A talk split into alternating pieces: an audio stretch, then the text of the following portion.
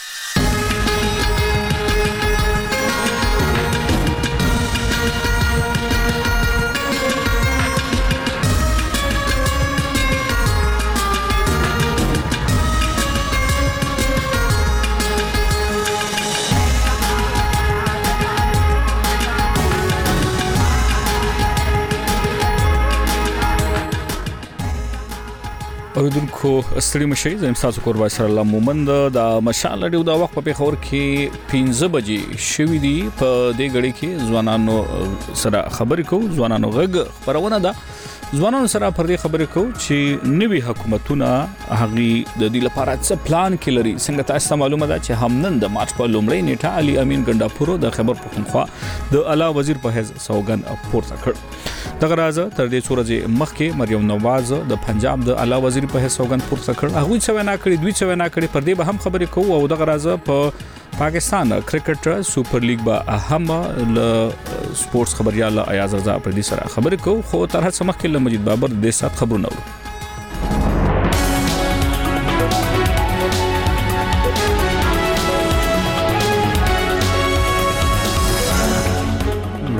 ستړي مشي رومبه د مشال د خبرونو سره ټکی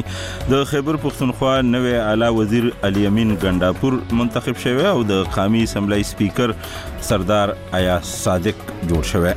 د کوز کوهستان د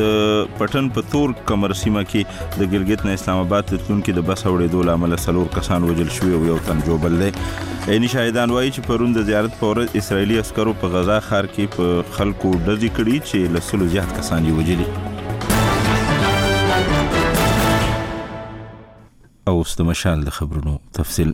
آزاد امیدوار او د پاکستان تحریک انصاف صوبایي صدر علي امین ګنډاپور په صوبایي اسمبلۍ کې د نوي رایو ګټلو نه پس د خیبر پښتونخوا نوی اعلی وزیر منتخب شو په اسمبلۍ کې د اپوزیشن ګوندونو امیدوار د هغه مقابل ډاکټر عباد الله 14 رای ترلاسه کړې د دغه څوکۍ لپاره پرون د زیارت په ورځ د پاکستان تحریک انصاف ګوند علي امین ګنډاپور د خپل نامزدګۍ کاغذونه جمع کړي وو د منتخب کېدو نه پس په خپل وینا کې علي امین ګنډاپور د صوبې په ولس غږ وکړو چې د درغلیو او کرپشن پر ضد جهاد پیل کړئ. دی وایي د پښتونخوا ولس ته دا زما پیغام دی چې د کرپشن او درغلیو پر ضد جهاد شروع کړئ موږ تاسو سره یو د چا څه جرأت چې تاسو نه د پیسو غوښتنه وکړي د چا څه جرأت چې تاسو نه رشوت وغواړي په دغه وینا کې نوی اعلی وزیر د صوبې قانون نافذونکو ادارو او انتظامیي ته د تحریک انصاف د کارکونکو پر ضد د مقدمو ختمولو او څنګهولو د لړۍ ودرېدو لپاره د یوې اونۍ مهلت ورکړو هغه وویل چې که ثبوتونه وینو عدالتونو ته وړاندې کړئ ګنې څوک هسې متنګوي د قامي اسمبلۍ د سپیکر لپاره د حکومتي اتحاد امیدوار سردار ایا صادق یو سل نه نوي رای واخیستې او منتخب شو دغه په مقابله کې د سنی اتحاد کونسل نامزد امیدوار محمد عامر ډوګر یو نوي رای ترلاسه کړې د اتمې فروری د پارلماني ټاکنو نه پس په هغه هیواد کې په مرکزی او صوبایي کچا د حکومت سازي او پارلماني لارو چارو په اړه هڅې په داسې حال کې روانې دي چې د وزیر اعظم د انتخاب لپاره رای شماري د را روان اتوار په ورځ کېږي د قامي اسمبلۍ پر ایکس پاڼه پرون د فروری په نهه ویشتمه د وزیر اعظم د انتخاب طریقه کار ورکړل شوی چې له مخې یې د وزیر اعظم د عهدې لپاره نوماندان کولای شي سبا ماسپښین د خپلې نامزدګۍ کاغذونه جمع کړي د کوس کوهستان د ژغورنې د ادارې ریسکیو یو یو دوه دوه چارواکي وایي چې د هغه ضلع د پټن په تور کمر سیمه کې د ګلګت نه اسلام آباد ته تلونکي د بس اوړېدو لامل څلور کسان وجل شوی او یو تن جوبل شوی د ریسکیو یو یو دو دوا کوهستان مشر ساجد علي مشال لري ته ویلي چې جوبل کسي روغتون ته منتقل کړي د ساجد علي لمخه په وجل شو کې د دوه کسانو شناخت شوی او د دوه کسانو شناخت روان دی په کوهستان ګلګت او شمالي سیمو کې وخت پر وخت سړکونو د خرابې او د موسمي حالاتو لوجه دا ډول ترافیکي پیښې رامنځته کیږي د پولیسو او ځایي خلکو په وینا لکي مروت سب ډیویژن بیټنې کې نامعلومو وسلوالو د پولیو ناروغۍ ضد یو کارکونکو وجلې ده د لکي مروتو بیټنې اوسیدونکو شاکر بیټنې او ټرایبل سب ډیویژن بیټنې آزاد خېلو پولیس ثاني یو چارواکي محمد اسماعیل مشال ریډیو ته ویل چې غنی الله نومي شل کلن ځوان تیر ماخام د پولیو ساسکو ډیوټیا ته تللی وو د لادرکې په سیمړې تر لاسه شوې چې د ابتدایي پلټنو لمخې د وجلو نه مخکې پرې تشدد شوه پولیس وایي چې د نامعلوم وسلوالو ضد مقدمه در شوې او پلټنې پیل کړي تر اوسه چا د دې وجنې ذمہ واري نه ده منلې عیني شاهدان وایي چې پرون د زیارت په ورځ اسرایلی عسکرو په غزا ښار کې بشري مرستو ته په انتظار ولاړو فلسطینیانو باندې ډزې کړي چې په کې لسلو زیات کسان وژل شوي دي بلخوا د صحت چارواکي وایي له دغه سره د اسرایل او حماس ترمنځ د جګړې د پیل راهیسې د وژل شوو تنانو شمیر له 10 زرو څخه واوړېدو حماس د امریکا او اروپאי اتحادیې لخوا تر هغه ډله ګرځول شوې ده بلخوا اسرایل ویلي زیاتره خلک د خوراکي مرستې د ترلاسه کولو پر وخت د بیړې جوړېدو لوجې د پښو لاندې راغلي او عسکرو یې هغه وخت ډزې پیل کړې چې کله یې د دغه ګڼې څخه خطر احساس کړ روسته خبر د لوبو په اړه د پاکستان سوپر لیګ د شلوري د کرکټ په سیالو کې سبا د خالي ورس دوه لوبې کیږي لومړی لوبه د پیښور زلمی او لاهور قلندرز ترمنځ او دویمه یې د اسلام آباد یونایټډ او کویټا ګلیډیټرز ترمنځ کیږي بلخوا په پرونه لوبه کې کویټا ګلیډیټرز کراچۍ کینګز ته ماته ورکړه د شل اوریزه کرکټ د هغې اتلولۍ په سیالو کې شپږ لوبډلې پیښور زلمې، کویټا ګلیډیټرز، لاهور قلندرز، ملتان سلطانز، اسلام آباد یونایټډ او کراچۍ کینګز برخه اخلي او پایلوبه به د مارچ پر اتلسمه کیږي. د مشال د خبرونو پای.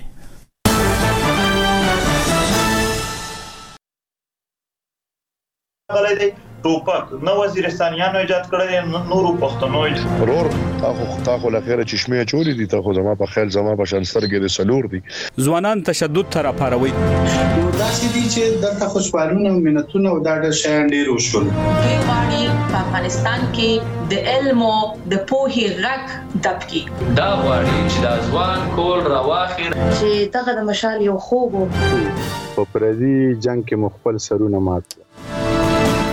د ځوانانو غږ خبرونه همدا شیبه له اسرار عالم مومند سره نیغ په نیغه. اورېدونکو او کتونکو ستړي مشئ پر دې هله چې روغ جوړ وېستئ علي امین ګنډاپور نن د مارچ په لومړۍ نیټه د خیبر پښتونخوا د اعلی وزیر په حیث سوګن پورته کړ د غراز پر دې با خبر کو چې ځوانان ل نوموړي څه تملري او دغه راز دوی څه خبرې کړي په خپل وینا کې لنډه زه تاسو دا وایم چې دوی کومې خبرې کړي نو هغه کې داري چې امنیت پرولو معاشي حالات په ټیکو ټیکسونه به زیاتو په مالدارو باندې دغه راز دوی دا خبره هم کړې ده چې نن په خپل لومبي وینا کې چې ځوانانو ته نوکرۍ ورکول سرکاري نوکرۍ ورکول هغه دوی سره نشته او د کاروبار کولو روزنه به ورکوي صحت کارت به بیا بحالوي نظام به بدلوي په اسمبلی کې به د خلکو په مسلو دغه راز خبرې کیږي دا و چې هلته کې به په یو بل باندې تنقید او دغه راز نورې چې کمی تورونه دي هغه نه لګول کیږي موږ به پر دې خبرې کوو چې له نوموړي ځوانان څه تمه لري او دغه راز بیا هم تاسو ته مچې تر دې څو ورځې مخکې د پنجاب علاوه وزیري په هیڅ د مسلم لیګ نواز مریم نواز هغه سوګند پورته کړ مریم نواز ویل چې په هوا دننه او بهر با د اعلی زده کړو زمينه برابروي زده کوونکو ته پر دې سربېره لپټاپونه به ورکوي د روزګارونو بندوبست پر ځوانانو لپاره کوي سپورتس ګراوندونه به ته برابروي په خاص توګه هغوی په خزوباني زور راوړو چې خزو تبا کومې اسانتیاوې دي هغه تر دې وخته په پاکستان کې نه دی ورکړل شوی جنکو ته د هغوی تعلیم په برخه کې د حقوقو په برخه کې هغه به ورکوي نو نن منګه پر دې خبرې کو ل ځوانانو سره ل تاسو سره چې تاسو څنګه ګوري دغه دوانو علاوه وزیرانو ویناو ته څنګه ګوري د دوی خبرو ته څنګه ګوري د دوی نه څه تمه لري نو موږ سره ملمانه دي مهوش مظهر له پیښوره د پاکستان تر کې انصاف د ځوانانو مخکخه ده هغه رغلي مهوش ډېر ډېر ستړي مشه ډیره مهرباني چې تاسو نه ډیره زیاته مننه او موږ سره د عوامي نشل ګوند نثار باز هغوی هم راغلي دي عوامي نشل ګوند په خبر پښتونخوا کې په اپوزیشن کې دي او دا وار د هغوی بیخي لمات سره مخ شوې دي البته دوی په خپل ستراتیژي کې هغه کې بدلون راوستي دي او د مظاهرو د احتجاجونو لار یې خپل کړې ده نو موږ سره د دې د ځوانانو مخکخ نثار باز هغوی هم د واتس اپ لاري له باجوړ دي نثار ډېر ډېر سلام شي تاسو هم وعلیکم السلام ډېر مهرباني مننه تاسو تاسو ټول اوریدونکو ستاسو نه ډیره زیاته مننه او اوریدونکو کتونکو تر دې برخه وروسته به په پاکستان کرکټ سپر لیګ هم خبرې کوو موږ سره به د سپورتس خبريال ایاز رضا پرې د هغوی ملمانه بي تاسو هم موږ سره د ټلیفون سکایپ وایبر د لارې پروګرام کې برخه اخیستئ شئ زموږ ټلیفون شمیرې دي 002022121015 او بل شمیره ده 002022121015 وایبر شمیرې دي 002022121015 و و درې شپږ څلور و څلور نه او اسکای پډی د ام اس ایچ ای ال ار ای ډی آی او او سم رازو خبرونه ته مهوش صاحب هم تاسو ته لومبه راځم تاسو د پاکستان تر کې انصاف سره تعلق ساتي نو څه تمې دي او څه امیدونه دي د نوي حکومت نه د نوي اعلی وزیر نه چې آیا د تبا ملي شکل ورکړي او که څنګه دا چې څه ژمنې څه خبرې دوی نن کړي؟ جی بلکل انشاءالله تعالی نوی سټارټ به وي انشاءالله او چې کوم شیزونه الریډي پایپ لاین کې وو هغه باندې به امپلیمنټیشن کنټینیو کیږي زه خو به دا وایم ځکه چې څه څه شیزونه ورکې منځ کې د انټرم ګورنمنت وجه نه چې سټاپ شي وي نو هوپفولي انشاءالله پلان هم دا دی چې دا به دوباره نه موږ شروع کوو که دغه لګ یادونه وکړي مننه به ډیره څنګه چې وګوره ټولو نه مخکې جی لکه یو عام انسان د پاره خو صحت ټولو نه ضروری دی ټیک شو جی نو صحت انصاف کارت چې کم پریکټیکلی اون ګراوند دی وخت بند دی نو د حکومت ټولو نه مخکې دا یو اکټیویټ کول دي او هغه کمټمنټ دا سه دی چې هغه شوی دی نو هغه ان شاء الله ټولو نه مخکې پرایورټی باندې هغه اکټیویټ کیږي هغه ان علاوه ډیر زیاده سی انیشیټیوز چې کم پی ټی آی ګورنمنت سٹارټ کړیو او هغه مینځ کې انټرم ګورنمنټ وجې نه بند شو نو اوس به هغه ټول دوباره نه ریوایف کیږي که په وینا شي چې کوم کوم انیشیټیوزونو ان لیمیټډ دي سټارټینګ فرام ټولو نه زیات زما خپل پرسنل پرایورټي هم ده او ظاهر دی مارجنلایزډ کمیونټي چې کومه ده چې کوم کې ښځې ماشومان یوت لکه دا چې کوم زموږ ټولو نه زیاته میجورټي پاپولیشن هم دی دی سره چې ددی کوم انیشیټیوزو د هغه چې بند شوی وو نو هغه انشاالله تعالی به بیا ریوایف کیږي که موږ احساس پروګرام ایچ ای سي سکالرشپس باره کې خبره وکړو که چې کوم اکچولی بند شوی دی چې کوم کې ټولو نه زیات اولنی ځل ویلی شی چې فورټی ناین پرسنټ چې دی هغه ښځو ته ریپریزنټیشن ملاو شوی وو او پلان دا وو چې هغه به نور مخکې زیاتیږي انشاالله دا به ټول دوباره نه اکټیویټ کیږي ځکه چې مینځ کې دا ټول زیات شټ ډاون شوی دی. که آی ټي سیګمنټ وګورئ نو پي ټي آی ګورنمنټ ټایم کې ټولو نه زیات انیشیټیوز آی ټي سیګمنټ کې راغلي وو او زه خپل د هغې خبرې ګواه یم ځکه چې موږ د خپل یو فاونډیشن وړوکی شانته چلوم او موږ هغې کې سپیسیفیکلی ښځو دپاره سکالر داسې ټایپ سټایپنډ بیسډ جابز هوم بیسډ ریموټلی او هغې کې به موږ انټرنز اخیستل او ښځې صرف فیمیل او هغه شټ ډاون شوی دی هغه پروګرام شټ ډاون شوی نو هغه دا ټول پروګرامز به دوباره نه ریوایو کوو چې هغه دوباره نه اکټیویټ شي سم ډیره زیاته مننه تاسو به هم راځو خو مننه به وي تاسو خو کې څوک خبر کی چې غوي غلی شي نو ډیره زیاته مننه به وي شور راځي نثار باز تاسو راځو تاسو د نوی اعلی وزیر بیان څرګندونې خبري واورې دي نن چې هغه په اسمبلی کې وکړي د سوګند پورته کولو وروسته څومره ته مطمئن استئ ډیره مننه تر څو نن د اسمبلۍ کې د دې صوبې د وزیر اعلی په حیث باندې علي امین ګنډپور خپل وینا وکړه د همیشه لپاره چې کله هم نوې وزیر اعلی منتخب شي نو هغه خپل پالیسی سټیټمنټ او هغه په خپل روان 15 کله پروګرام باندې خبره کوي او په هغه کې که هغه د صحت پروګرام دی، که هغه د امن او امان مسله ده، که هغه د تعلیم پروګرام دی، که هغه په دې خاوره او وطن باندې بې روزګاري ده، نو هر اړخیزه چې کوم دی هغه خپله پالیسي وړاندې کوي او په هغه پالیسۍ باندې چې کوم دی خپل ولس خبروي، د هغې صوبې چې څومره هم خلک دی هغه دې نه خبروي چې زموږ به دغه پروګرام وي. له بده مرغه موږ نن د علي امین ګنډپور وینا واورېدله او دا به ټول پښتونخوا او وطن اوسېدونکو اورېدلي وي. چې د هغه په خبرو کې سنجیدګي داسې نه ښکارېدله، بلکې هغه خپلې خبرې چې کوم دی ډېر زیات په اشتعال انداز کې او په ایموشنل انداز کې کولې او ټول پکې چې کوم دی توربیخونه وو او وارنینګونه وو. نو په کار خو دا وه چې دې صوبې ته د ټول نه کوم غټ ترټ سټیټ دی دا وخت د بدامنۍ چې د هغې لپاره د دوی کومه پالیسي ده، جامع پالیسي جوړه کړي چې هغه اعلان کړې وې، ځکه چې یو دومره غټ پټ ګوند چې هغه په دریم وارې په دې صوبه کې په اقتدار کې راغلې، نو د هغه به منشور وي، د هغه به څه پروګرام وي او هغه پروګرام پالیسي به نن دې وړاندې کولې، خو په هغه باندې خبرې اترې ونه شولې، په بدنۍ باندې چې کوم دی معمولي صرف دا هومره وویل شوله څه چې تاسو اوریدلي کوم چې موږ اوریدلي دي، زیاتره خبره چې کومه دی په مسافرخانو او یا چې کومه دی دا دی چې کوم د خیراتي غونډه کې ادارې چلول غواړي په هغه خبره وکړه نو دلته چې د خاورې کومې بنیادی مسلې دي او کوم د خاورې حقوق دي د اقام کوم حقوق دي په هغه باندې کولاو خبرونه کړل شو نو موږ ايکسپيکټيشن له مخکې لرل او اعتبيار لرو چې ګنې آيا دوی به په دې خپل سياست کې سنجيده شي او د دې خاورې لپاره به چې کومه دی عملي ګامونه پورته کړي ما نه مخکې چې کوم دی زمونږ دا خور خبرې وکړلې چې ياره په تېر ګورنمنټ کې مونږ چې کوم انيشيټيو اخيستي او يا کوم پروګرامونه چې کوم دی مونږ شروع کړي وو پروګرامونه به دوباره شروع کوو نو لس کاله په دې صوبه باندې د پاکستان تحریک انصاف حکومت پاتې شو دا یې دریم ځل دی چې بیا په اقتدار کې راغلي دي نو په دې لس کالو کې چې کومه دی دلته کوم داسې مېګا پراجیکټ شوي دي چې د هغې په برکت سره دلته په دې وطن کې ترقي راغلي او د بې روزګارۍ خاتمه شوي که تاسې وګورئ د بدمرۍ خو مسلسل هم په هغه لسو کالو کې مسلسل بدمي پاتې شوې ده دویمه خبره دا ده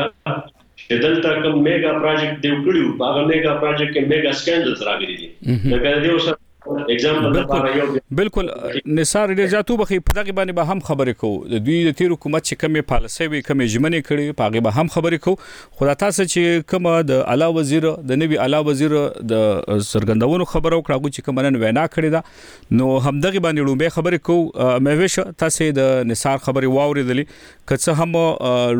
نن اعلی وزیر پر دغه خبره وکړلې چې د امنیت بزمنګا لومړیتوب وي د امنیت لپاره به منګه ګامونه پورته کوو خو دا خبري هم کیږي زیاتره څنګه چې نثار دغه خبره وکړه چې دوی د لنګرخانو خبري وکړلې خو په خیبر پښتونخوا کې د کارخانو د آزادولو چلته کې کارخانه بندي شوې تاسو ته پته را په غدون کې د اسې په نورو سیمو کې خیبر کې د بجلی یا د انرژي د کمی لوجه نو په هغه کې زیاتره ځوانان کار کوي د هغې د خلاصولو د بحالولو خبره یې ونه کړه دغه راز د تعلیم په اړه یې هم داسې کوټلې مضبوط پلان هغه مخ ته رانه وړو او دوی یو دغه خبره هم وکړه که پرس کا پوزیشن څه انتقاد لري که تاسو ته پته ده اپوزیشن ډیر کم شمیر کې دي دا د خیبر پښتونخوا په تاریخ کې لومبه ځل چې یو ګوند په دومره اکثریت کې څوکۍ ګټلې دي نو هغه باوجود د اپوزیشن غړي ډیر زیات کم دي نو هغه باوجود دوی اپوزیشن ته ویل ک پرس ک تاسو څه نیوکه کوي څه انتقاد کوي نو د اسمبلی نه بهر به کوي او ک پرس کا دنه کوي نو دا بخني او بیا دا خبره هم وکړه چې زی لاس مخلاص په پښتو کې دغه خبره وکړه نو دغه ته نثار اشاره وکړه چې باید اعلی وزیر هغه سنجیده خبري وکړي سنجیده مسلې دي سیریس مسلې دي چې پاګې سنجیده او سیریس خبري وکړي حاجي زه خو دې خبرې ته حيرانه يم چې زما دا رور وي چې خيراتي ادارې خبرې وکړې او زمونږ د صوبې خبرې ونه کړې نو دا غريب کس زمونږ د صوبې نه دی دا غريب کس چې کوم شپې وخت کې په ځمکې سملي او دا مزدور چې چا د شپې اوسېدو لا ځای نه او چې کوم له زمونږ عمران خان دا مساورخانې جوړې کړې دا پناهګاه یې جوړې کړې نو دا څه ضروري شی نه دی لکه دا دا اړو څه د خبرې کولو ضرورت نه لري زه خو دې خبرې باندې حيرانه شوم ماته خو لګي چې يو کس چې په سر باندې چت نه وي او زه ځان سوچ وکړم چې دې باران کې که زه په سړک يم نو زما ټولو نه مخکې چت پکار دی زما ګرم روټۍ پکار ده او زما خيټې هغه پکار دی زه به نور شيزونو بيا سوچ کوم نو که دا خبره وزير اعلی کړې ده نو زه خو وايم دا يې ټول نه زبردسته خبره کړې ده ځکه چې ټولو نه مخکې خو دا بنيادي ضرورت کې راځي. نمبر ون نمبر ټو زمونږ پی ټی آی حکومت وروسته لس کاله کې چې راغلی نو فری لانسنګ باندې چې څونه کار پی ټی آی حکومت آی ټی ډیپارټمنټ طرف نه شوی دی ما خیال کې به چېرې چا بل چا کړي یا تش لیپټاپ ورکول نه آی ټی ډیپارټمنټ طرف نه انیشیټیوز روباسل او ماشومانو له داسې ټریننګ یا یوت له داسې ټریننګ ورکول چې هغوی هغه لیپټاپ استعمال هم کړي تش لیپټاپ ورکول خو نه څه به وکړم زه په لیپټاپ چې زه پوهېږم نه چې یې سره کول څه دي. او د فری لانسنګ پروموشن چې څونه په پي ټي آی په حکومت کې شوی ما خیال نه چې ان علاوه شوی دی او دې البته دې نه زیات چې کوم دی دا نوی ګورنمنت چې رالو نو هغوی دونه ټیکسز ولګول چې ویچ ور ناټ ان اوبویسلی فیور کې نه د یوت لپاره نو لکه موږ خو پوزټیو ثینکینګ کوو نو اوبویسلی چې کوم انیشیټیوز پی ټی آی شروع کړی دي خپل رستو لاس کالو کې او او زه دا نه وایم چې هر څه پرفیکټ او یو شیز کې زبردست دي هر یو ځای کې امپروومنت کې دي شو هر یو ځای کې موږ خو کې دي شو يو مين شی چې کوم دی هغه دا دی چې ليجسليشنز جنرالي جوړ شوي خو هغې باندې هغه عمره امپليمنټيشن ني شوی نو دا پوسټ ليجسليشن سکروټني ورته وایي دا 2018 کې کو شوی او دې باندې اوس به کنټينيو کيږي چې کوم کوم قانونونه جوړ شوي دي خو هغې باندې څه څه وجې نه کار نه دی شوی نو په هغې باندې به کار کيږي او هغې کې موږ اوبيسلي نور امپروف کيدی شو نور نور هغې کې منده مخکې تلي شي نو پرفيکټ خو يو شی هم نه دی خدای پاک نه علاوه سمه نثار تاسو وختي خبره کوله تاسو خبر ما پرې کړه تاسو چې تیر وخت کې هم دوی ژمنې کړې پاکستان تر کې انصاف ژمنې کړې خو هغه ژمنو ته عملی شکل ورنکو نو کداغي هم لګیا یادونه وکي او څه ګوري چې دا واره پاکستان تر کې انصاف په دریم ځل باندې په خبر پښتونخوا کې حکومت جوړوي نو نه ګوري چې دا وار به دوی سیریس وي دا سره استرالم عمر صاحب چې زما د خور خبره وکړه د ډیرلې پام لرمه دی چه کومه دی د کینسر علاج په ډیسپین ګولۍ باندې کول غواړي دلته چه کوم دی د دی صوبې چه کوم وفاق ته کوم بایقایاجات پوری دی هغه بایقایاجات دی په لسو کالو کې رانه وړل چه په دی قام باندې خرچ کړي او دلته دی خلکو له چه کوم دی خیرات ورکوي نو موږ ورته وایو چه دا په خیراتونو باندې نه کیږي د خلکو نه خیراتګر مه جوړوئ بلکه په دی خاوره کې او په دی وطن کې دومره پوټنشل شته دی زه د سرو زرو په ډیری باندې ناست یم، د وسایلو نه مالامال صوبه ده هم په دې وسایلو باندې اختیار اخیستي دی او هغه اختیار په اتلسم آئیني ترمیم کې ګټل شوی دی. له بده مرغه موږ وایو چې دوی په خپل سیاست کې سنجیده کیږي نه. په کار دا ده چې علي امین ګنډه پور صیب کومې پالیسي سټیټمنټ نن ورکاوه او نن دلاورنۍ سپیچ کاوه نو چې ده پکې دا ذکر کړی وای چې پنجاب ته زموږ د اوبو کومې پیسې جمع شوي وو پارک ته چې هغه پیسې به هم ترې راوړو، د بجلۍ پیسې به هم ترې راوړو، د ګیس پیسې هم ترې راوړو او د دې وطن چې کومې دشتې پرتې دي جنوبي اضلاع نو هغه ته به چې کوم دی د خپلو سیندونو نه اوبه ورکوو او دغه دشتې به پیاوړي کوو چې موږ خپله صوبه خود کفیله کړو په خوراک کې او د دې صوبې چې کوم ګوټ ګوټ ته بجلي نه رسېدلې چې هغه بجلي موږ دیو ته ورکړو، موږ پیدا کوو نیم زره میګاواټه بجلي، زموږ ضرورت اته سوه میګاواټه دی، راکوي راته چوده سوه میګاواټه، تېر ځلم دی چې کوم دی دا ژمنې کړې وې، دا دعوې کړې وې، خو په هغه دعوو کې چې کومه دی دی ناکام شولو او دا صوبه چې کله دیو حکومت پرېښودلو نو اېک هزار ارب روپۍ قرضدار وه دا صوبه، اېک هزار ارب روپۍ، په دې منځ کې چې کوم دا انټرن ګورنمنټ تېر شولو نو انټرمنټ ګورنمنټ کوم دی یو هفته لس ورځې مخکې خپل پالیسي سټېټمنټ جاري کړو چې موږ سو ارب روپۍ په خزانه کې چی زونه موږ سو ارب روپۍ په دی خزانه کی پریدو او دیو خزانه خالی پریښی وه ایک هزار ارب روپۍ قرضه په دی صوبه باندی اوښتی ده موږ دیو ته دا وایو که دی چرته واقعی چی په دریم ځل ورله دی خلق ووټ ورکړی دی نو په کار دا ده چی د دی خاوری کمی قامی مقدمی دی چی هغی ته ملا وتړی او هغه حل کی. خو زه ګمان نه کوم چې دوی به په دې عمل کې سنجیده شي لکه مثال په تور باندې تاسو څنګه ذکر وکړو چې په پنجاب کې وزیر اعلی جوړ شو لا مریم نواز او هغه خپل پالیسی سټیټمنټ کې د سکالرشپ خبره وکړه د اعلی تعلیم خبره وکړه دلته په تیر 15 کال کې زمونږه د پښتونخوا وطن یونیورسيټي دا د مالی بحران ښکار دي هغه یونیورسټو ته چې کوم دی ګرانټ ورکول هغه ته بجټ ورکول د هغه ملازمین ته بجټ ورکول هغه بنیادی مساله ده دلته چې کوم سټوډنټان دي د هغه پیسونه چې کوم دی د اسمان سره خبرې کوي هغه پیسونه کوم دی د غریب سټوډنټان دا افورډ کولای نشي هغه ته چې کوم دی پیسونه کمول او د هغه لپاره سکالرشپ پروګرام لانچ کول دا چې د صحت په اړه باندې زرا شم دی چې کوم دی صحت کارت خبره کوي نو صحت کارت چې کوم دی د خاور ته د وطن ته په ګټه نه په نقصان تمامېږي ځکه چې د صحت کارت په ذریعه باندې ډېرو هغه خلکو ته چې بلا ضرورته پرې لکه علاج پې کوي او د علاج په ځای باندې چې کومه دی په یو سړي باندې لس زره یا شل زره روپۍ راشي نو هغه ته پچاس زره او ساټ هزار کټ کوي که نه سمه نو د ورته ته هسپتالونه ولې نه جوړوې کوم بجټ چې ته صحت کارت ته وباسې په هغه ته نوي هسپتالونه جوړ کړه باقي ورته ډاکټر چې کوم دی نور ډاکټرانو ته چې کوم دی پکې هایر کړه چې په کلي کې او په علاقه کې هغه ته چې کوم دی علاج وکړل شي سمه بالکل برام نشته بالکل تاسو خبرې مخ ته رااله مې صاحب تاسو د نثار خبرې واورې په خاص توګه ک یونیورسيټو ته منګ راشو نو تاسو قتل د خبر پختونخوا په انتونونو چې کومه عملی دی هغه په پر لپسې په احتجاجونو دي چې هغه ته بجټ نه ورکړ کیږي او دا یوازې د کال دوه خبره نه ده د کلونو راهیسې دغه دغه مسله روانه ده تاسو هم وختي دغه خبره وکړه چې د تعلیم د لپاره اعلی تعلیم د لپاره منګه پلان کې دغه دغه لرو پروګرامونه لرو نو دغه کله تاسو جواب ورکي چې څنګه نثار خبره وکړه بل خو غوي د روزګارونو خبره وکړه بل مهمه خبره غوي چې دا وکړه نو زیاتره خبر خلک هم دغه خبره کوي چې د پاکستان ترکیه حکومت چې ختمېدو نو سباند نه سوا اربه روپۍ هغه قرضه په صوبه باندې راله نو د دې هم معلومات کول پکار دي چې دغه پیسې چا راغیستې او په څه لګیدلې دي څه وای تاسې. ښه جی زه خو به دا وایم جی چې دا روستنی ګورنر صاحب چې کوم زمونږ وو نو دوی دونه ډیر یونیورسټیانو ته چې کوم ګرانټس وو هغه دوی بند کړل نو د هغې تپوس به څوک کوي پلس دا دی چې د پي ټي آی حکومت چې کله ؤ نو اګزسټنګ ریسورسز چې کوم هغه یې زمونږ اکټیویټ کړي وو صرف فار د سیک اف دا چې لکه اول دوه یونیورسټیانې وې او مونږ اوس مونږ لس جوړې کړې هغه فایده نشته چې کومې هغه دوه یونیورسټیانې هم د کار نه ټیک شو نو جی زمونږ دغه شانتې سکولونه شو که یونیورسټیانې شوې نو د سکولونه خو خیر زیات شوي مو خو زمونږ پرپس د پي ټي آی د حکومت صرف ګوسټ سکولز جوړول نه دي د هغې مقصد دا دی چې که کوم سکولونه دي هغې کوالټي د هغې مونیټرینګ د هغې ایوالویشن او هغه امپروومنټ طرف ته بوځو ما خیال کې پی ټی آی صرف شاید په پاکستان کې پرې دی په کې پی کې پرې دی پوره دنیا کې به چې 70% چې کوم د ایجوکیشن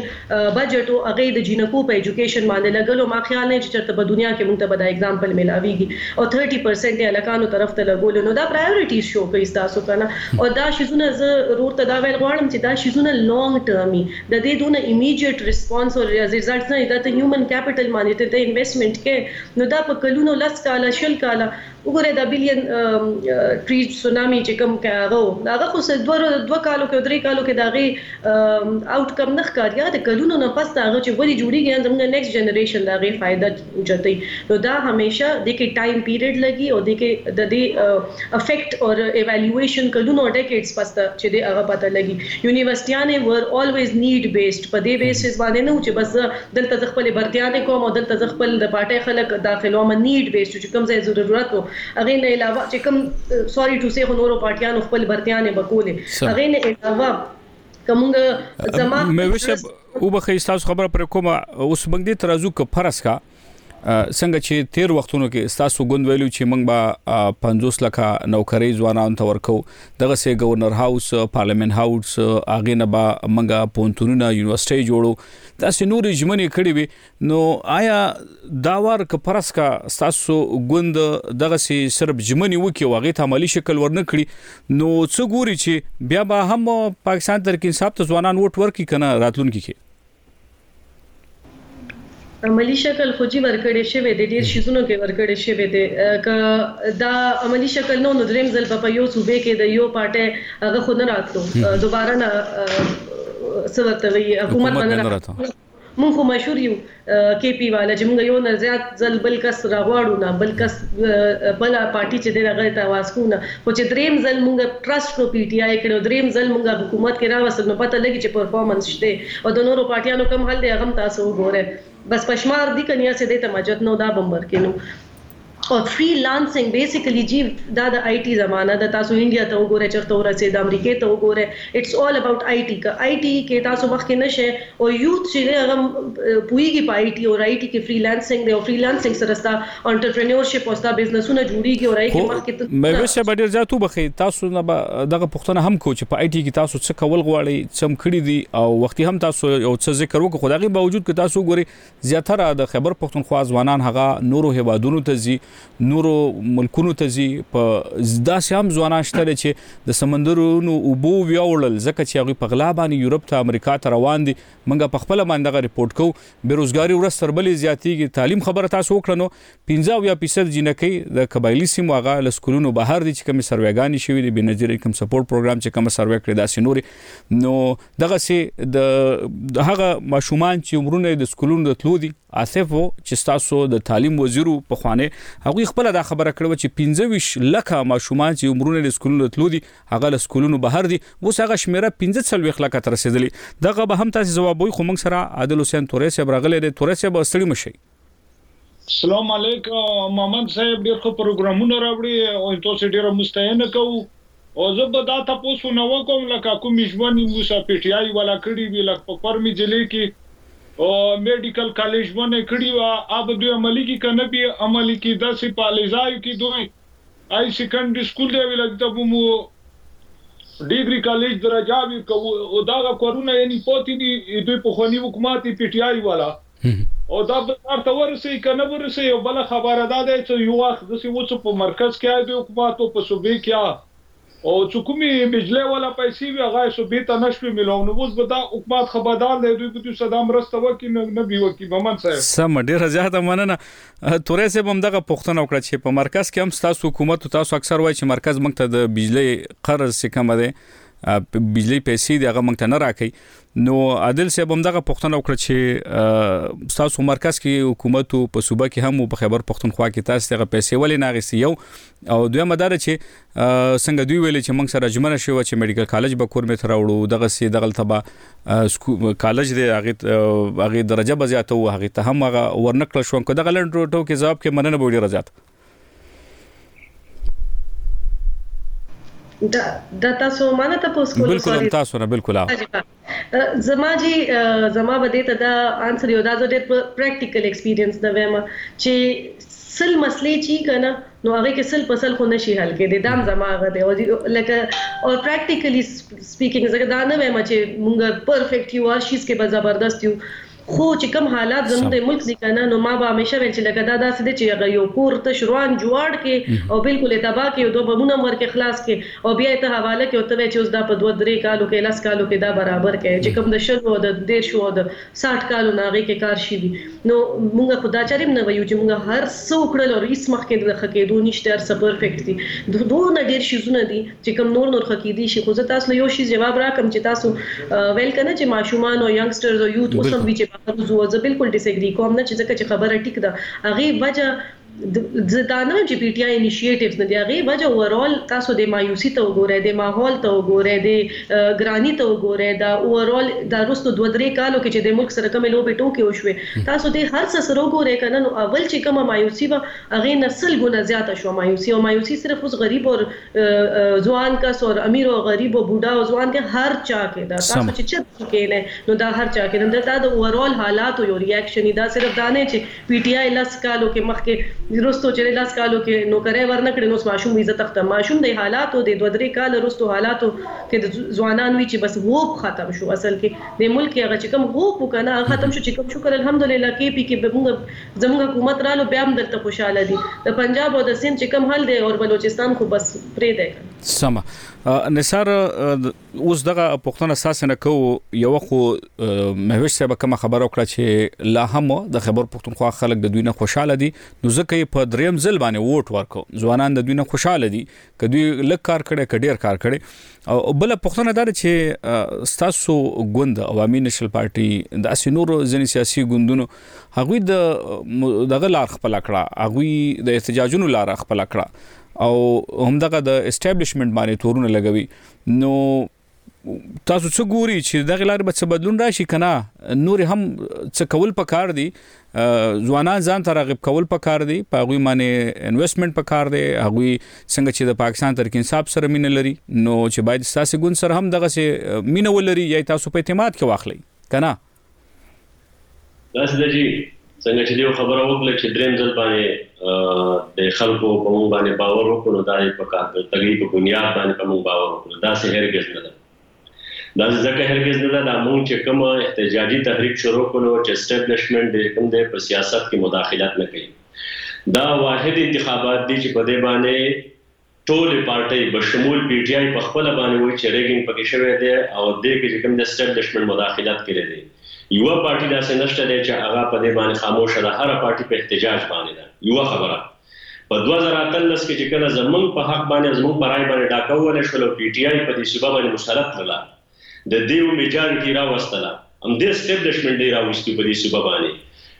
زه به ته دا ویم چی چا دولس زره وډونه اغیستی وو نو هغه له دوه ایزر حساب کړی او چا چی دوه ایزر اغیستی وو هغه له څلوی ایکزر حساب کړی وو ار ټی ایس سیستم یی پیل کړو او دی په دی صوبه باندی مسلط له په هغه وخت کی هم دی ملیټری اسټبلشمنټ چی کوم دی په سیاست کی مداخلت کاوه په دوه زره دیارلس کی چی کوم دی هم دی ملیټری اسټبلشمنټ په دی صوبه باندی دی مسلط کړو او مونږ بیا چی کوم دی د بارودو په زور باندی چې په موږ باندې دماکې شروع کړلې او موږ یې د ولس نه کټ اپ وساتلو او دوی په دې خا په دې په دې صوبه باندې مسلط کړل نو همدا دغه مليټري اسټبلشمنټ خلاف چې کومه ده ټول جمهوري قوتونه غږ پورته کوي او په احتجاج باندې دي که تاسو ګورئ په سن کې چې څومره تحریکونه جماعتونه دي نو هغه په احتجاج باندې دی او په دې انتخاباتو باندې د هغه اعتراض دی چې په دې کې ملټری اسټابلیشمنت مداخلت کړی دی پی ټی آی په خپل د عملی چې په دې کې ملټری اسټابلیشمنت مداخلت کړی دی بلوچستان ته لاړ شه هلته ټول سیاسي ګوندونه په احتجاج باندې دي داسې جماعت علماء اسلام جماعت اسلامي هر ګوند وایي چې په دې کې مداخلت کیږي او په سیاسي انجنیرنګ کیږي هم د دغه سیاسي انجنیرنګ مخنیوي لپاره چې کوم دی د یو جمهوري ګوند په حیث باندې عوامي نشل پارټۍ تحریک شروع کړی دی او موږ د نور پارټونو هم دغه ایکسپیکټیشن او توقعات لرو او د زلمو هم دغه ایکسپیکټیشن او توقعات لرو چې هغه د عوامي نشل پارټۍ ملاتړ شي تر څو په دې ریاست کې دغه سیاسي نثارو بخې تاسو خبره پر کومه تاسو په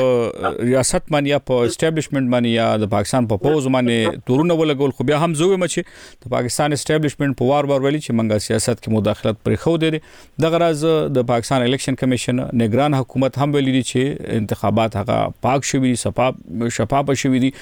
او دلته کې به دا پښتنه هم تاسو په ګوند باندې راپورته کیږي څنګه چې عمل خان په خپل وینا کې ویلي چې منګه دا دونه موده د اسټابلیشمنت سره دا غوي ته سره موږ یو یو قسم لا روانو دا غوي هر خبره موږ منله چې دا بو چې دا بو شي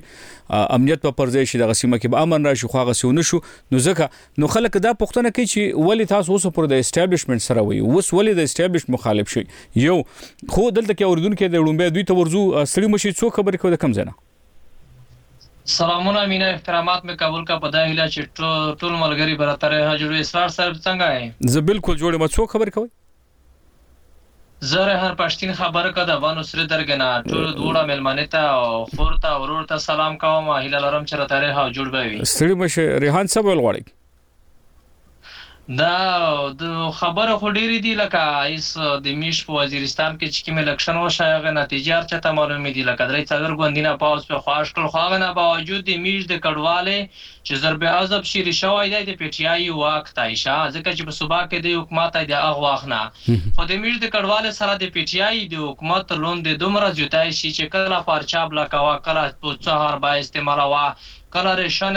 د میاشتینی معاش نرته ملاویژی نه د واپسای هم خیړ شی او بیا په دی د میژ سره نیره ډیره زیوتای مسالی دی د میژ د پوره چې د میژ د پوره د پی ټی آی په حکومت کې هیڅ نه دی شوی هیڅ نه شی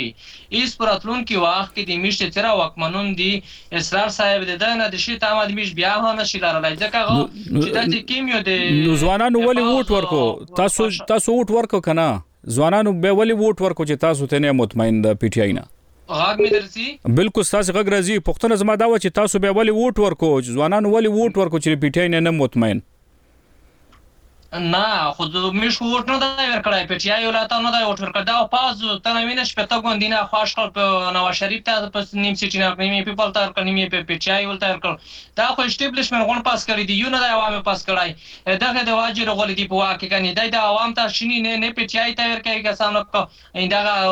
نوې نوې پارټۍ کې دای شي هغه کړی وای ځکه چې په وزیرستان کې جوات اکثریت چې چا واغنه منډیټ بدل کړي ډیره زیاته مننه تاسو نه ریحان که تاسو لنډو کې دغه پښتنه جواب کوي تاسو چې ما کوم پرې خو دی وا نثار او بیا هم زغه خبره بیا تکرار کوم چې د پاکستان اسټابلیشمنت د پاکستان الیکشن کمیشن په وار وار دغه تورونه رد کړی دي چې ریحان کم ولګول مننه بوې نثار داسې ده چې تاریخي طور باندې عوامي نېشنل پارټۍ باندې دا الزامات لګي چې دی پرو اسټبلشمنټ دي خو دا واحد عوامي نېشنل ګوند دی چې همیشه یې د انټي اسټبلشمنټ سیاست کړی دی او انټي اسټبلشمنټ سیاست په دې بنیاد باندې چې په دې ملک کې د حقیقي ولسواکۍ لپاره د ولي خان بابا نه راواله د ملي مشر اسفندیار خان پورې او نن د ایمل خانه پورې مونږ په سیاست کې همیشه د دغه خلکو کردار مخالفت کړی دی ځکه خو مونږ د اقتدار نه بار ایستو که چرته مونږ د دغه خلکو حمایت کړی وای نن به مونږ په اقتدار کې ناست وای دا نن چې کوم خلک په اقتدار کې ناست دي او دا وایي چې مونږ ته ولس رای راکړی دا نو په 2018 کې چې کوم دی په دې صوبه دی څوک دا چا مسلط کړي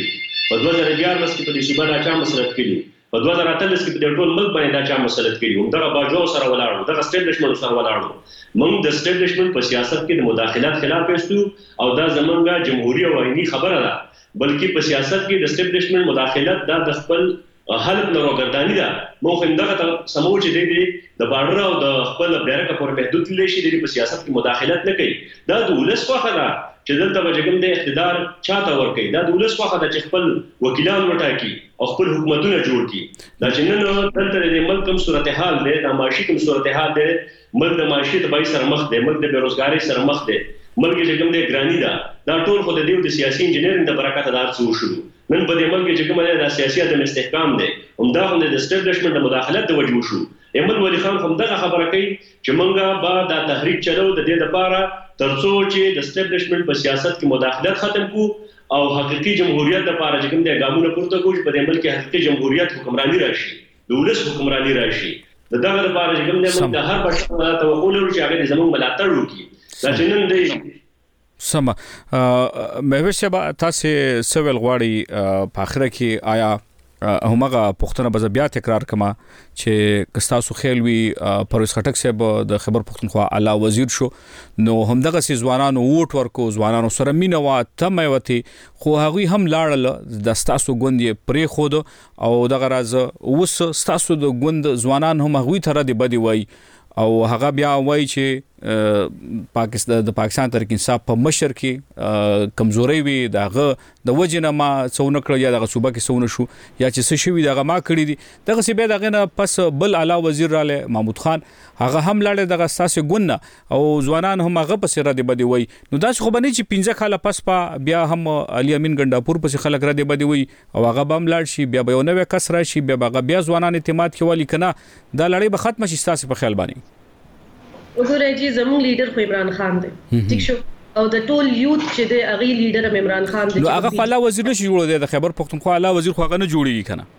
بالکل جی منم خو زمونږ چې کوم ایکسپیکټیشن زمونږ چې کوم ووټ دی که چام ووټ ورکړی دی هغه عمران خان له ووټ ورکړی او ټول وزیران او ټول چې ایم پی ایز ناس دي ایم ان ایز هغه ته پته ده پرون تاسو ټول وکتل چې په قومي اسمبلی کې څنګه ټول ماسک چلو ټول فریمونو سره د عمران خان راغلي دي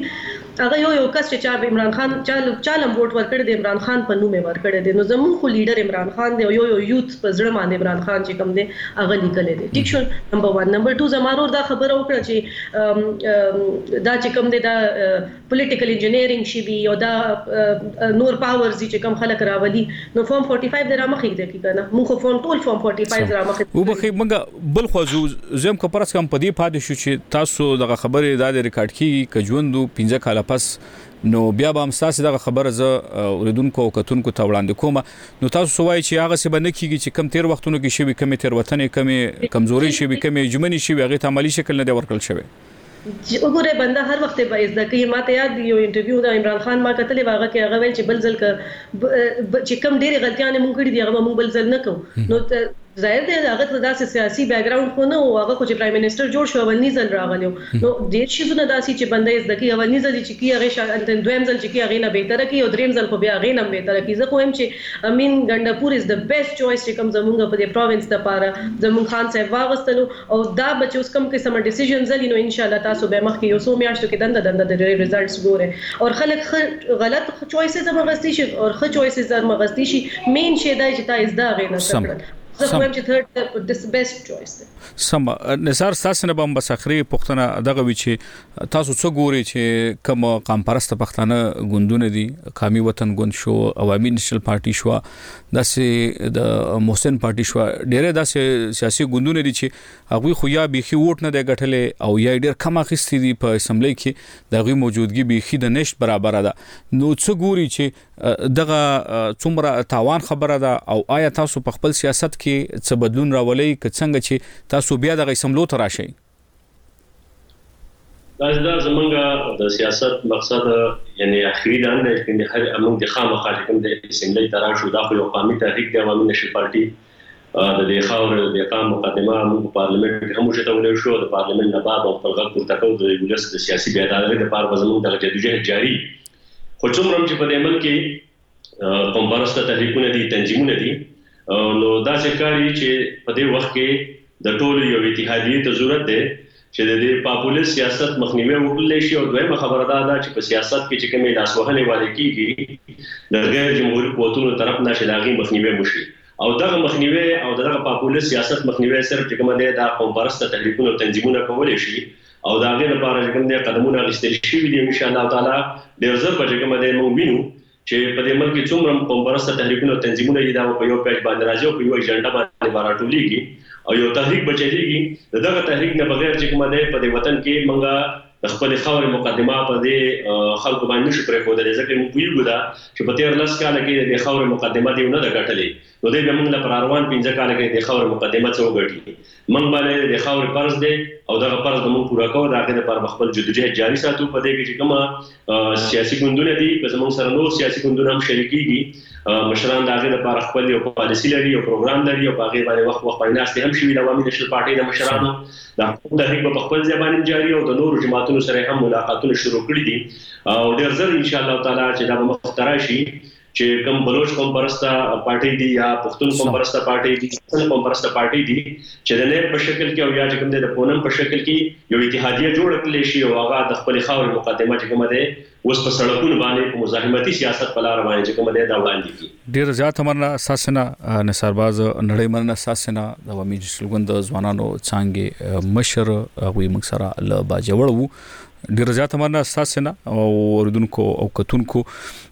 مونږ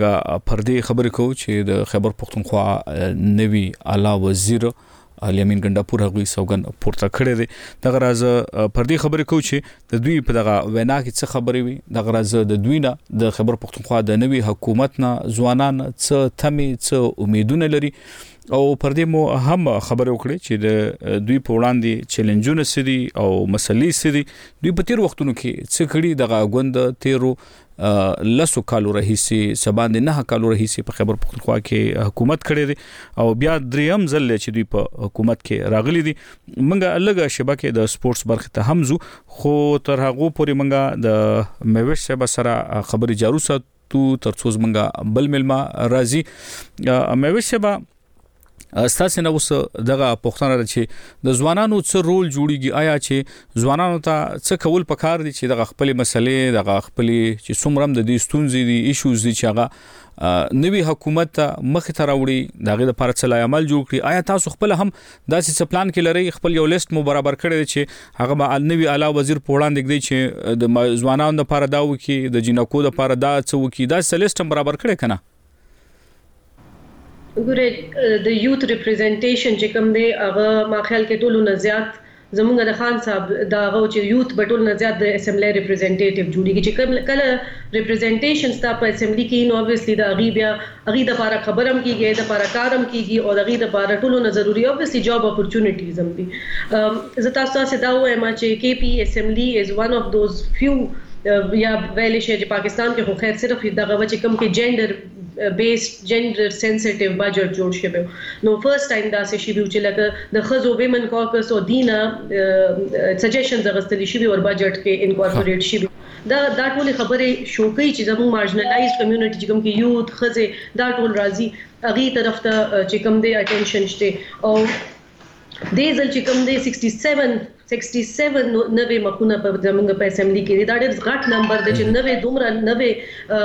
شکلونه نوې انیشیټیوز نوې پرسپیکټیوز ویلې یو انسان یو نوې پرسپیکټیو چې 67 نوې شکلونه راغلي دي زمونږ په اسمبلی کې د کې پی اسمبلی کې او 50% چې کوم دی نو هغه یوت کې راځي زمونږ سم میجورټي پاپولیشن هم هغه دی نو دا شو کوي چې دای ریپرزینټیشن شته چې ریپرزینټیشن نو پرایورټي دا بیا مطلب ډیر زیات مننه تاسو نه مبیش صاحب نړۍ مننه تاسو نه موږ سم پروګرام کې برخه واخیسته خو وختونه تاسو ته مهرباني ثانک یو ورونکو دا و د پاکستان تر انصاف او د ځوانانو څنګه مخکخه مهوش مظهر او د دوی سره تاسو خبرې واوریدلې او سره زو د سپورتس برخه ته او بیا هم تاسو ته چې په فیسبوک باندې زمونږه په فیسبوک کې څه تخنیکی ستونزه و هم دغه د وجنه تاسو دغه پروګرام پر وخت باندې وانه ورید خو منګه ورسره دغه پروګرام بیا په فیسبوک هم رااله لکه څنګه رفیع الله وزیر لیکي چې حکومت ته پکار دی چې خپل حقونه هغه ورکی ځوانانو ته دغه سه داوود خان او ډېر نور ملګرو هم دغه څرګندونه کړې چې دوی خبرونه اوري او خوند اخلي او موږ د سپورتس برخه ترازو موږ سره له اسلام آباد د سپورتس خبريال ایاز رضا اپریدي د تیر په وخت یو واری بیا راغله دي دوی سره خبرې کوو خو زه وبخي فیسبوک ته بیا راځم او ګوهر علي لیکي چې د مشال ډو ډیره مننه چې دغه خبرونه مونږ ته نشر کړي او دغه سي خبرونه دغه سي موضوعات مخ ته راوړي او ډېر نور ملګر هم دغه سرګندونه کړي خو وخت لګ د نورازو خبرونه ته ایاز رضا ستړي مشه د اسلام آباد السلام علیکم ډیره مهرباني تاسو ته هم په خیر علي ډیر زیات ستاسو نه مننه ایاز دا خبر کیږي چې د پاکستان کرکټ سپر لیګ مزه نشتا درې خبرې دي یو دا خبره کیږي چې هغه لوبغاړي بهرني نه دی راغلي چې کوم نامتو لوبغاړي دي ډېر هغه نه دی راغلي په خواني لوبغاړي راغلي لکه د ویسټ انډیز پولارد راغلي دی دغه سي نور چې کوم لوبغاړي دي چې هغه زیاتره په اوسنی ټیمونو کې د غوي په ملي ټیمونو کې نه لوبيږي هغه راغلي دي کدا سه به وګوري د دویمه بیا دا خبره کیږي چې د پاکستان د ټیم خپل لوبغاړي چې دي د غوي هم په دې ورستیو کې مزنه و نیوزیلند خلاف د استرالیا خلاف نو دا غي د وجې نه هم د پاکستان کرکټ سپر لیګ مزنه شته ځکه چې خلکو سره غو سیمینه نه لري لکه څنګه چې سره په خوا درلوده او درې مدا چې په پاکستان کې کوم سیاسي حالات دي نو دا غي د وجې نه هم په هان دا خبره کوي چې د پاکستان کرکټ سپر لیګ مزنه شته ستاسو څه نظر دی جی بالکل دا زنو خبرو سره زه اتفاق لرم خو د زنو سره به اختلاف زکه وکم لاهور په ملتان کې کله پاکستان سپر لیګ نو په قذافي کرکټ سټیډیم لاهور کې ویش زره کسان مطلب د اټ ټایم میچ کتلې او موږ داسې مکتل چې حالت کې یو میچ له 10000 کسان راغله بل د 30000 او داسې هم کتل چې 20000 کسان تماشبین هم راغله کړي دي په لاهور کې دارنګه د ملتان خبره به هم وکړو نو په ملتان کې هم ډیر زیات مطلب دی او قتل او بیا چې کوم نگران وزیر اعلی د محسن نقوی څوک چې چیرمن د پاکستان کرکټ بورډ هغه ډیر زیات دلچسپي و خو باقاعده که په ملتان کې به میچو که په لاهور کې به میچو په خپل بم تلو کوشش به دا و لکه چې کوم امبیسډرز دي لکه د استرالین های کمشنر او داسې مطلب دی د ترکیه او داسې د نورو ملکونو چې کوم سفیران او هغه وخت په وخت ګراوند ته بوونی دي او کوشش دا و چې مطلب دا دی چې دلته کې دا ایونت خو شي او بیا اتفاق تاسو سره وځه کله چې کله کراچي ته دا ایونت لاړلو نو په کراچي کې کله چې په تیره ورځ ټاس کېدو نو په ټاس دوران کې صرف د میډیا رپورټونو یا چې کومې زموږ ذرایع یا زموږ رپورټر هلته کې موجود وي د هغوی مطابق صرف 1000 پورې کسان راغلي وو هلته کې 34000 کسان په کراچي نیشنل کرکټ سټیډیم چې کوم یو ډیر غټ سټیډیم دی په هغه کې د خلکو د کیناستو گنجائش دی بهر حال د 34000 خلکو د ګراوند کې اخیری حد پورې شپږ زره کسان راغلي چې دا ډیر زیات کم خلکو تاسو سره اتفاق لرم خو د هغې بنیادي یو څو وجې وې او هغه وجې دا وې چې یو خو د نیشنل کرکټ سټیډیم هلته موږ تللي یو، هلته ما کورج کړی دی برای راست چې کوم پي ای سي ایل میچونه مې کور کړي یا قومي د پاکستان ټیسټ میچونه مې کور کړي دي، هغه موږ کتلی ډېر زیات ښه سټیډیم دی، ډېر غټ سټیډیم دی، ګیاره ګیټونه هغه لري، په هغې کې چې کوم پنځه ګیټونه وو هغه بند شوي وو، د کومې له وجې چې خلکو ته به دا ستونزه وه چې اوس به زه ګاډی چېرته پارک کوم، روډونه به ټول بند وو، د دې وجې نه خلک واپس ستانه شوي دي. يو خو د ټريفک هلته کې هغه نظام نو په کراچي کې چې کوم مطلب دی په لاهور او په ملتان کې خودلې شو بل هغه هلته کې چې کوم د سکیورټي لوجې د پنځه ګیټونه د سټیډیم بند شو او خلکو ته بیا دا ستونزه او خلک بیا نه پوهېدل بیا خلک ډیسکرچ لاړ تر دې پورې چې تاسو به په سوشل میډیا کې تللی وي چې سابقه پاکستانی درې لوغاړي څوک چې په یو پرایویټ ټي وي چینل باندې تبصره کوي وسیم اکرم او ورسره شو سوري چې کوم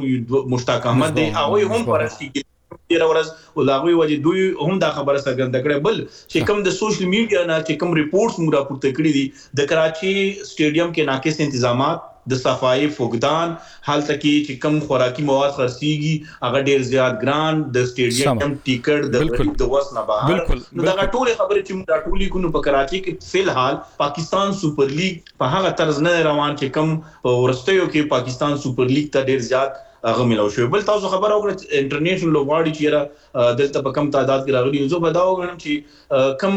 لیګ سپیشلیست دي هغه اوس هم په دغه لکه ډوسن تاسو کتل ډوسن سنچري هم کړې ده او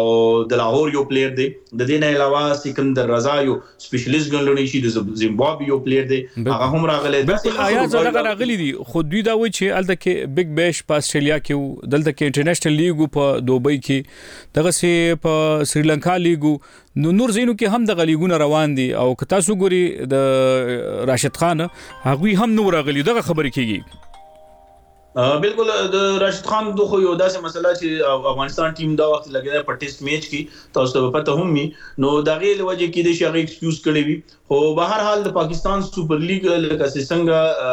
خوند او مزه په تیرو کې و نو دا ځل یارنګ خوند او مزه نشته خو دا زوای پاکستان کې ریبورډ کا په دغه ایونت کې پر روان وختونو کې مزه او خوند پیدا کوي نو پیښور لبه میچ ورکوي د پیښور خلک د کرکټ سره ډېر زیات شوق لري او تاسو اوس وینئ هم چې د پېښور ریجن ډېر زیات لوبغاړي قومي ټیم ته روان دي او که کوم په مختلفو ټیمونو کې شرکت کوي هم نو د کارکردګي کارکردګي یې هم مطلب دی د ستاینې وړ ده نو پاکستان سوپر لیګ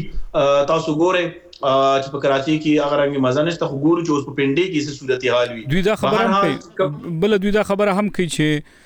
د ملتان سلطان او دغه سي د لاهور قلندرز میچ وینو خلک ډیر ګوري ډیر په مینه ګوري خو که تاسو ګوري لاهور قلندرز تقریبا د لیګ نه وته ځکه چې شپږ میچونه وبېلل نو اوس دغه ته هم راځو ایاز که په دې هم لګرنا واچو چې لاهور قلندرز باندې څه چل شوی ځکه چې کوم ورسته میچ وو نو هغه د ټیم کپتان شاهین اپریدي خپل هم ویلي چې نور پنځو میچونو کې موږ فایټ وکړو خو بده کې موږ هغه هم ونکو نو څه ګوري څه وای تاسو بالکل تاسو ته خو پته ده بلکې ټولو اوریدونکو کتونکو ته هم دا پته شته چې د لاهور کلندر کوم بالینګ اټیک دی ا د پاکستان د قومي ټیم بالینګ اټیک دی ټیک شو او بیا چې د لاهور کلندر کم کپتان نو د پاکستان د ټي 20 کپتان هم د لاهور کلندر دی نو مقصد دا دی چې په اولو کې خلکو ویل چې لاهور کلندر یو خو دفاعي چمپیون دی بل مسلسل دوه ځلې یو غټلو بل د کومي ټي 20 کپتان شاهین د دې کپتان د هاریس رو چې د ډیر تیز د بالر دی نو دا غي لوجه به دوی ډیر زیات ټف ټایم ورکی خو د هغوی چې کوم د اوور کانفیډنس او اوور لیول هم دوی زیات ډیر زیات خراب کړل بیا د هاریس روف ان فټ کیدل د ټورنمنټ نه اوټ کیدل او بیا ورسره ورسره کو کتلی شي د فخر زمان لوبه کومو ارنګ لوبه نه کوي چې کومه داغه خپل لوبه ده د پاکستان په پیچونو په پاکستان لیګ کې داغه سخت ناکامي سره مخ دي صرف یو لوباړي لوبه کوي هغه فرهان دی صاحبزاده فرهان څوک چې د پیښور اوسیدونکی دی یو ډیر ښه فیوچر یې دی په ډومېسټک لیول کې هم ډیر زیات سینچری ویلي دي او اوس پاکستان کرکټ بورډ ته په کار هم دي چې دی له هم په پاکستان ټیم کې مسلسل د لوبي موقع ورکړي لکه څنګه ساي ميوب له موقع ورکوي نو د لاهور کلندر په ټیم باندې تنقیدونه بې ځای ځای نه دي عقیب جاوید څوک چې د دوی هډ کوچ دی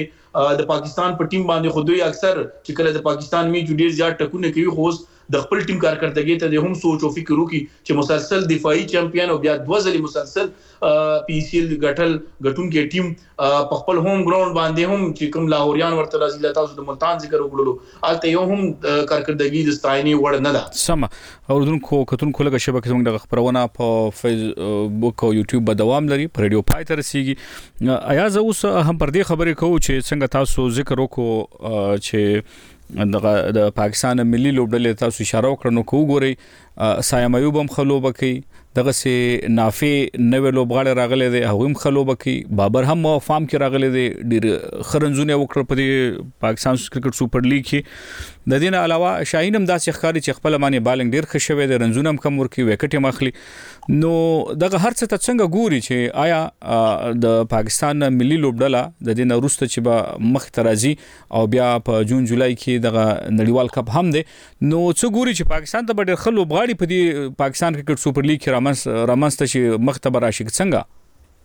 جی بالکل که څنګه مونږ داوا کړې و مشال نتورک باندې د پاکستان سپر لیګ ناول چې بابر اعظم به ان شاء الله تعالی په دې کې ټاپ کلاړي راځي او بیا به د دې پرفارمنس په نسبت باندې دا د ورلډ کپ لپاره د پاکستان د ټیم کپتان هم یو ځل بیا جوړولی شي او تاسو ګورئ چې اوس هغوی په تین سوه تیس رنزونو په درې سوه دېرش رنزونو باندې خو ایا زه ستاسو څه خبره زه پرې کوم دلته کې کپتانۍ ستاینه چې کیږي نو هغه د رضوان کیږي محمد رضوان د کپتانۍ ستاینه ډیره کیږي د بابر په ځای باندې زه درته زه درته د پاکستان سپر لیګ کې د 313 رنزونو سره په ټاپ باندې په رنزونو په لحاظ سره دا وخت زموږ سابقه کپتان او د پېښور زلمی کپتان بابر اعظم مطلب دی موجود دی چې په پاکستان سپر لیګ تر دې دمه د ټولو نه ډیر رنزونه کړی دي نو که هغه پرفارمنس ته موږ وګورو نو د رضوان په مقابله کې د هغه پرفارمنس ډېر آوټ سټېنډنګ دی، رضوان په دویم یا په درېیم نمبر باندې هم نه دی، د پاکستان سوپر لیګ په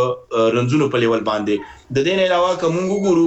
په کرکټ کې چې کومې فېصلې ښې شوې دي په ډېپت اور چا ډېر ښه کړي دي یا یې فیلډنګ چېنج څنګه کړی دی او د هغې نه پس بالنګ چا ډېر ښه چېنج کړی دی نو موږ به دا ووایو چې بابر اعظم ډېرې ښې فېصلې کړي دي د بابر اعظم میچونه بیا پاتې دي او مونږ خو باغه خبره کوو چې کوم د حقیقت سره تړلې وي مونږ داوا کړې و چې بابر اعظم تاسو خبره صحیح ده خو زه ویم چې لکه بابر اعظم مو د کراچۍ کپتانو کراچۍ میچونه نه غټل دغه سه بابر اعظم مو چې د پاکستان لوبډلې کپتان وو نو په اخیره و کې که تاسو یاد شي دغه نه کپتانی هم ځکه واغسته چې کارکردګي خنه و او که تاسو ګوري نو په پاکستان کرکټ سپر لیګ کې هم ملتان سلطان په لومبي نمبر باندې دی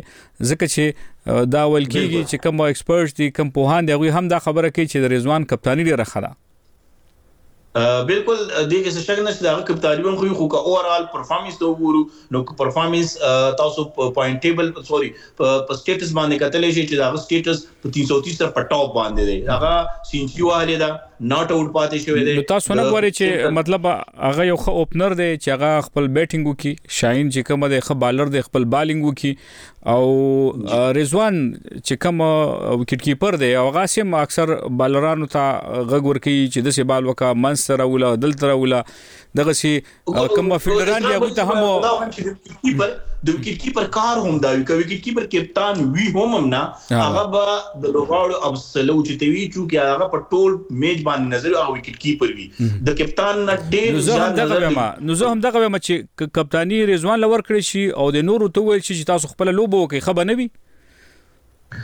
زه به دا درته وایم تاسو وویل چې یاره د خرابې کارکردګۍ له وجې د بابر اعظم نه کپتاني لرې کړی شوې ده خو زه به دا ووایم چې په پاکستان کرکټ بورډ کې چې څومره د چیئرمینانو چینج وشو په دا یو کال کې نو دومره چینج په دنیا کې په یو بورډ کې هم نه دی شوی هغه ځینې خبرې ستاسو